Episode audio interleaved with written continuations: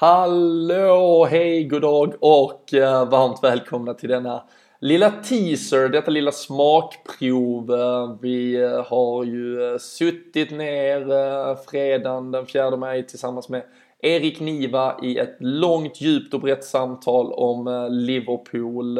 Såklart det aktuella de facto att vi är i en Champions League-final. Erik var på plats i Rom i onsdags och har såklart med sig en massa minnesbilder från eh, matchen där och det intryck som ett resande Liverpool, ett travelling cop eh, sätter på eh, även den objektive fotbollsälskaren. Vi pratar också vad vi nu kan vänta i Kiev, en final mot Real Madrid, men, men också om spelarinsatser under hela säsongen och också ledare, spelare som genom åren byggde Liverpool och tog Liverpool tillbaka till eh, den här tronen och toppen där vi nu åter faktiskt är. Eh, Jürgen Klopp, Steven Gerrard, ni kommer att höra om dem alla och eh, också om en supporterkultur som är något kanske utan dess like. Ni hör Erik utveckla detta mer.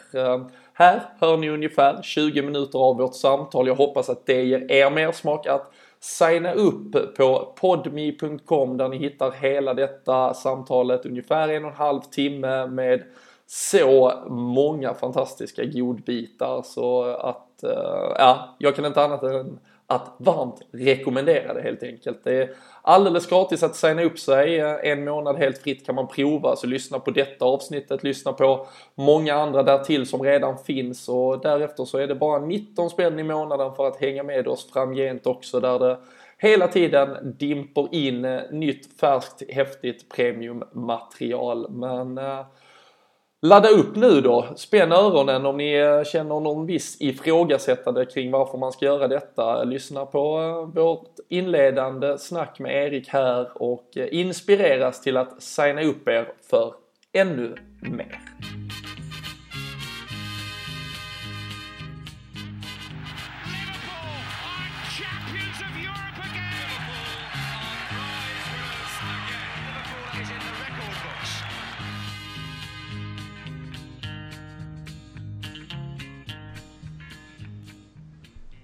Då äh, sitter vi äh, äntligen här, äh, måste vi säga. En, en, del administration fram och tillbaka, men framförallt har det väl ur ett poddhåll här varit ett, ett, ett jagat objekt och en väldigt trevlig röst att äntligen få välkomna till LFC-podden och eh, tajmingen kan eh, knappt eh, bli mycket bättre än så här. Vi eh, har eh, äran, glädjen att eh, välkomna Erik eh, Niva hit. Eh, I stort sett nylandad från Rom dessutom och det som Liverpool ställde till med i onsdags kväll. Men vi börjar väl väldigt enkelt att välkomna och se hur läget är med en sådan herre idag. Mm, tack så hemskt mycket. Läget är gott, om än lite logistiskt och administrativt rörigt som det alltid är och som ni redan har antytt. Men det är fredag förmiddag när vi spelar in det här. Arsenal har åkt ur Europa League, så vad finns att klaga på egentligen? Ja, och äh, Arsene Wengers äh, definitiva slut får man väl någonstans äh, konstatera. Du äh, glädjer dig såklart lite, lite sådär halv Kanske hjärtat och lite ironiskt med tanke på din eh, Tottenham-sympati. Eh, ska vi, ska vi bara väldigt kort eh, landa i vilket eftermäle Arsene Wenger lämnar den engelska fotbollen med när du nu tog upp det? Ja, nej, men det är ju ett kluvet eftermäle såklart, precis som min relation till Arsenal är kluven. Jag kan väl bara passa på att precisera det, för det finns alltid folk som vill missförstå så mycket som de bara kan. Men jag blir ju alltid personligt glad när det går dåligt för Arsenal, det är ju tveklöst så. Men jag har ju samtidigt en väldigt stor professionell respekt för både klubben och den avgående tränaren. Mm. Men med det sagt så tycker jag väl att det finns en liten risk att eh, framförallt under de här veckorna som har gått fram till Atletico Madrid-matcherna så blir det ju nästan som att det ska formuleras en dödsruna och då blir det ju ofta väldigt välvilligt och väldigt eh, generöst tolkat och beskrivet. Då blir det ju liksom bara den här banbrytande pionjären Arsène Wenger som ska minnas. Och det är klart att han var den banbrytande framgångsrika pionjären. Det går ju inte att ta ifrån honom hans första 10-12 år på jobbet som Arsenal-manager.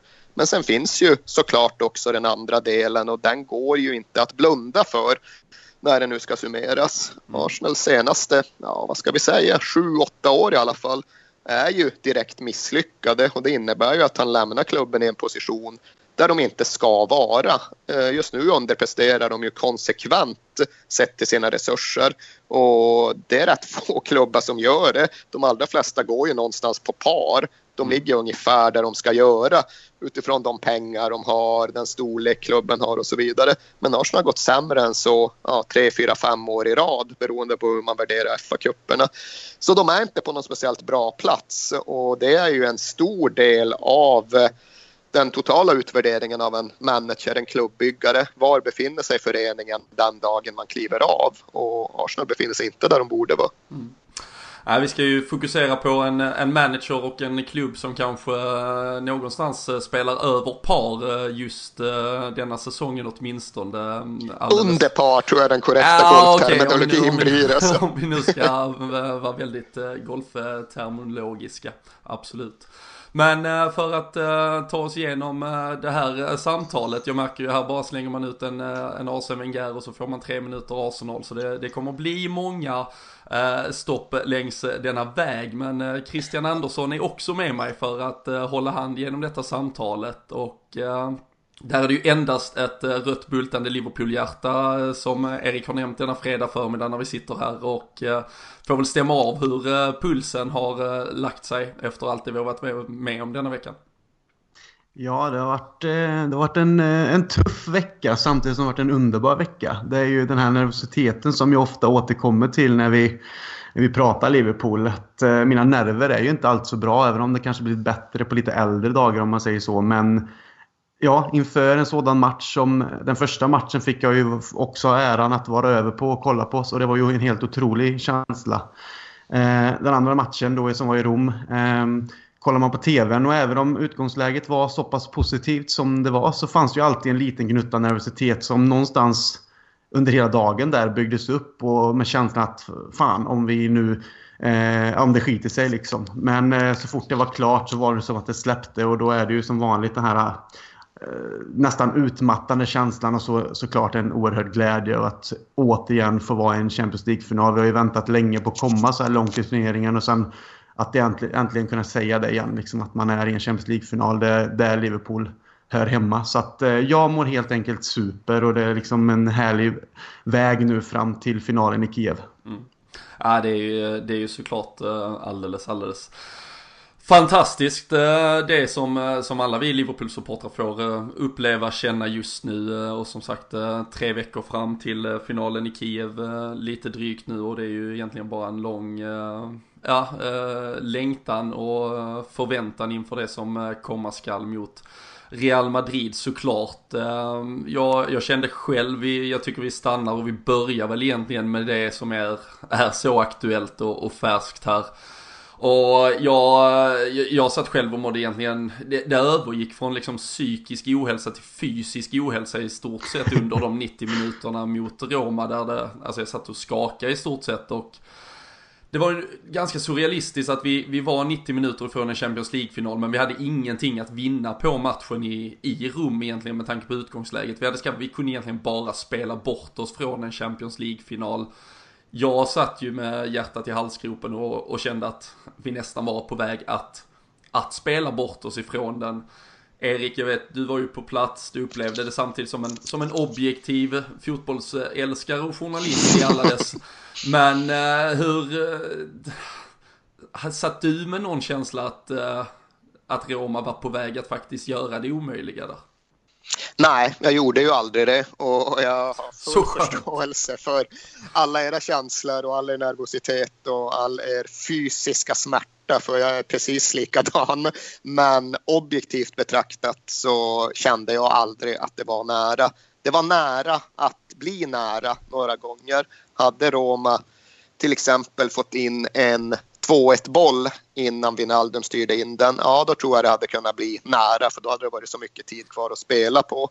Hade de fått den där Alexander Arnold-straffen, ja då är det möjligt att det hade kunnat bli nära eftersom att det även där fanns i alla fall tillräckligt mycket tid för att få ihop en forcering. Men när de väl fick sina mål så var det ju aldrig ett skede av matchen där man kände att ja, nu är det verkligen kontakt. Nu är de så nära att de har sikte på Liverpools ryggar utan när Nangolan slog in straffen så var det ju slut och över.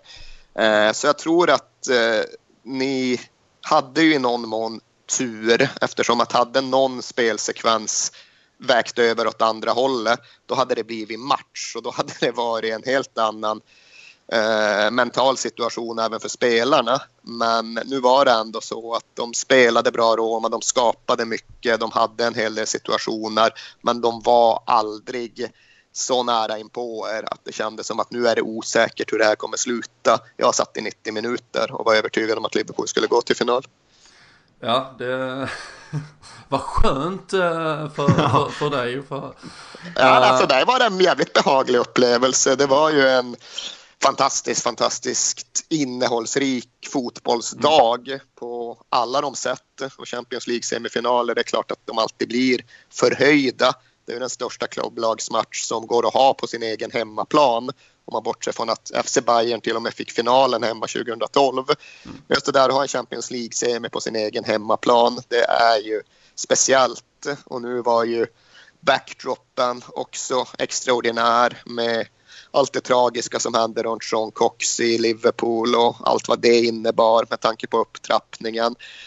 Uh, och sen fanns ju också själva matchupplevelsen som egentligen bestod av tre olika segment för mig. Dels timmen före avspark då liksom Olympico fylls, fylls upp och Kurva Sud sjunger och bara det är ett skådespel som jag önskar att alla skulle få uppleva.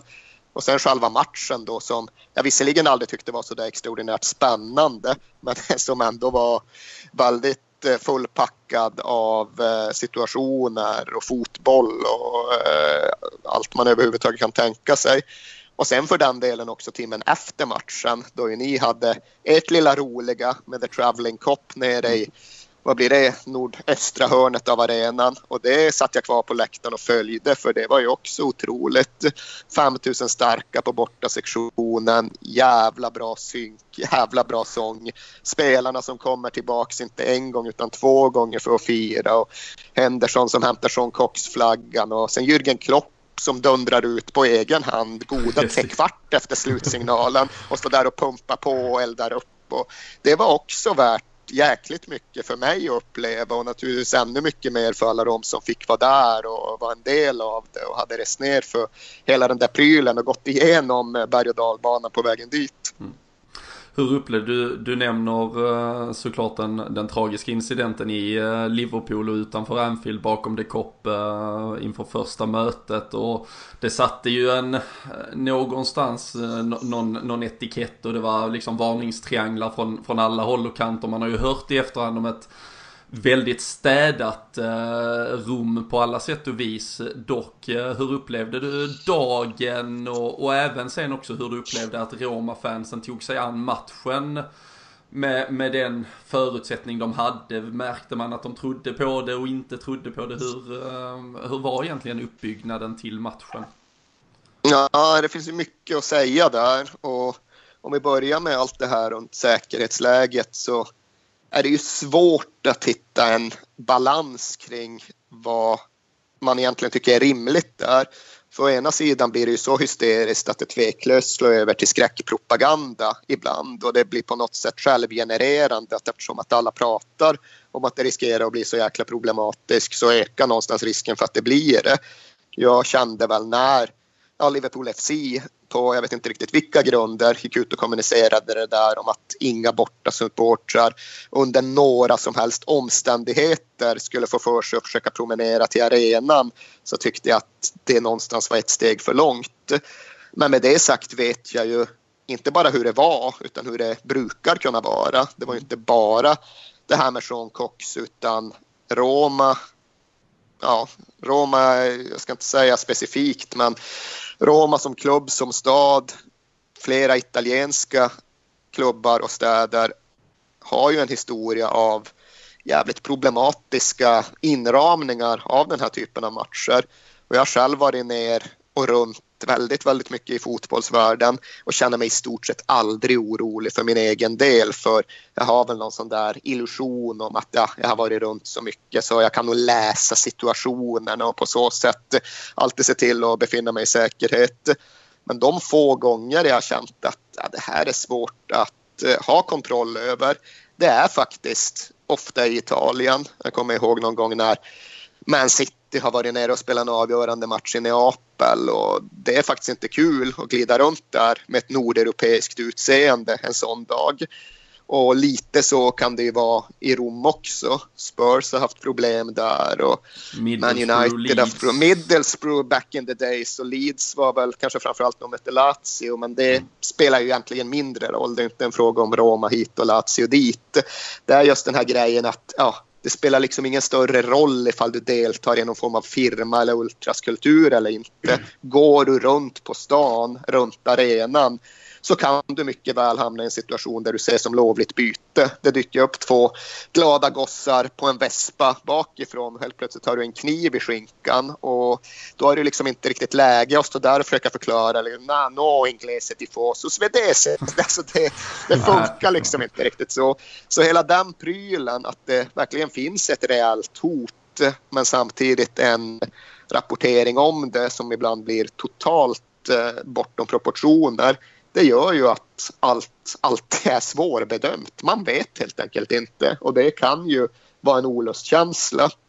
Mm. För egen del så upplevde jag just den här onsdagen som ovanligt lugn och det blev väl en konsekvens av att det just var så oerhört uppskruvat säkerhetsläge. Det blev eh, en järnring på många sätt runt både arena och Liverpool-sektioner.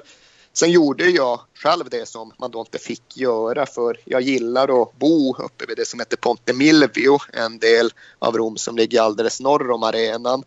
Och det var ju markerat på sådana här stadskartor som verkligen en röd no-go-zon för ja, där håller en del av Romas barska gossar till. Mm. Så det fanns ju det där liksom att vad fan ska inte jag nu kunna vara här? Ska jag inte kunna gå till arenan bara för att jag ser nordeuropeisk ut? Men jag gjorde väl ändå bedömningen att ja, det känns ändå rätt lugnt. Också säga att det känns alltid lugnt tills det väl händer något. Ja. När det väl händer något är det för sent. Men jag kunde knalla både till och från arenan. Det var inga som helst problem. Det verkar som sagt även i övrigt som att alla kommit hem helskinnade. Och mm. Det är ju bara att konstatera att det är förbaskat skönt. Eh, så det om det. Och sen var ju det där med liksom själva atmosfären på arenan också ett kapitel för sig. För där ser ju Roma-publiken som till den allra största delen är helt jävla formidabel. De ser det någonstans som sin uppgift att tro på ett mirakel, att bidra till att försöka besanna ett mirakel. Och det gjorde de ju sannerligen. Det var ju en jäkla uppiskad positiv stämning just under hela timmen som ledde fram till avspark. Ett förbannat tryck runt deras inmarschhymn och runt de första minuterna. Och sen är det klart att man är smål det dödar ju en del, men sen får de ändå 1-1 målet så pass snabbt så mm. så långt känns det fortfarande som att det verkligen lever.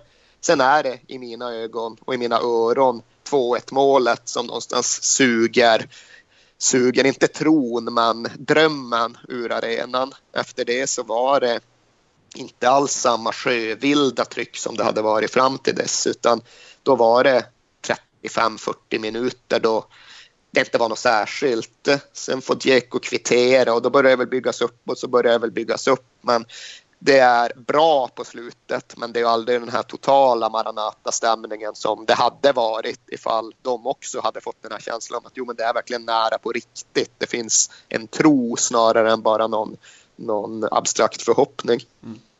Vi eh, som Liverpool-supportrar känner ju såklart att det är någon form av eh, mindre mirakel åtminstone att vi har, vi har tagit oss hela vägen. Det finns många som kan eh, titta och peka på vägen vi har tagit dit. Om man menar att Porto kan ha varit en enkel lott, att eh, Roma kan ha varit en enkel lott. Så där är ju trots allt ett Manchester City längs vägen.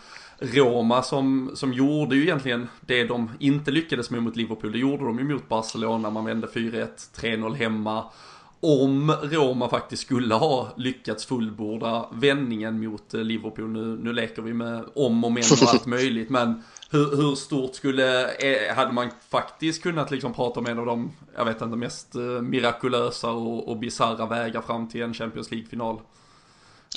Någonsin, ja, alltså jag vet inte.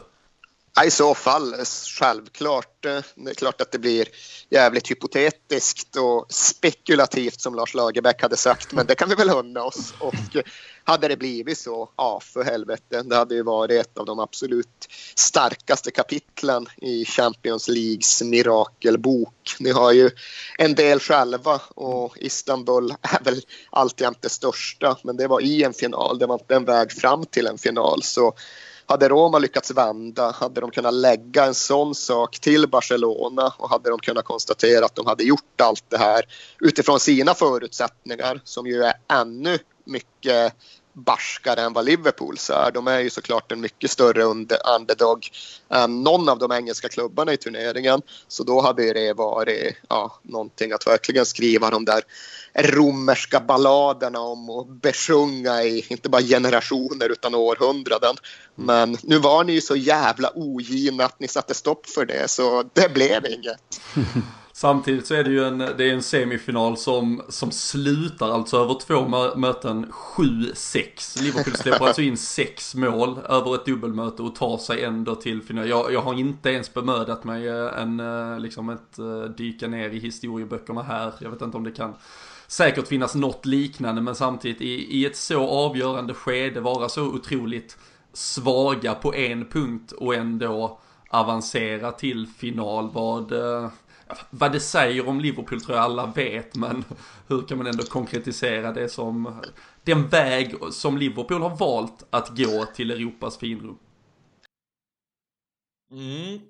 Där eh, får vi helt enkelt uh, avsluta detta och pausa och uh, helt enkelt hänvisa er till podme.com istället om ni vill höra Erik Nivas svar på detta och väldigt mycket mer. Samtalet fortsätter en lång stund och vi hinner dyka ner i otroligt många spännande ämnen. Så har ni inte redan signat upp er, gör det för bövelen. Det kommer att hända mycket mer roligt och spännande framöver också. Men eh, för nu så finns det en eh, möjlighet att lyssna klart på den här intervjun med Erik Niva och eh, massa annat skoj. Så in på podmi.com med er, eh, signa upp er för våra premiumavsnitt alldeles gratis i en månad så ni hinner prova av och stämma av om det där är något för er. Och därefter alltså bara 19 spänn framöver. Så uh, häng med dit istället så fortsätter vi snacket med Erik Niva där helt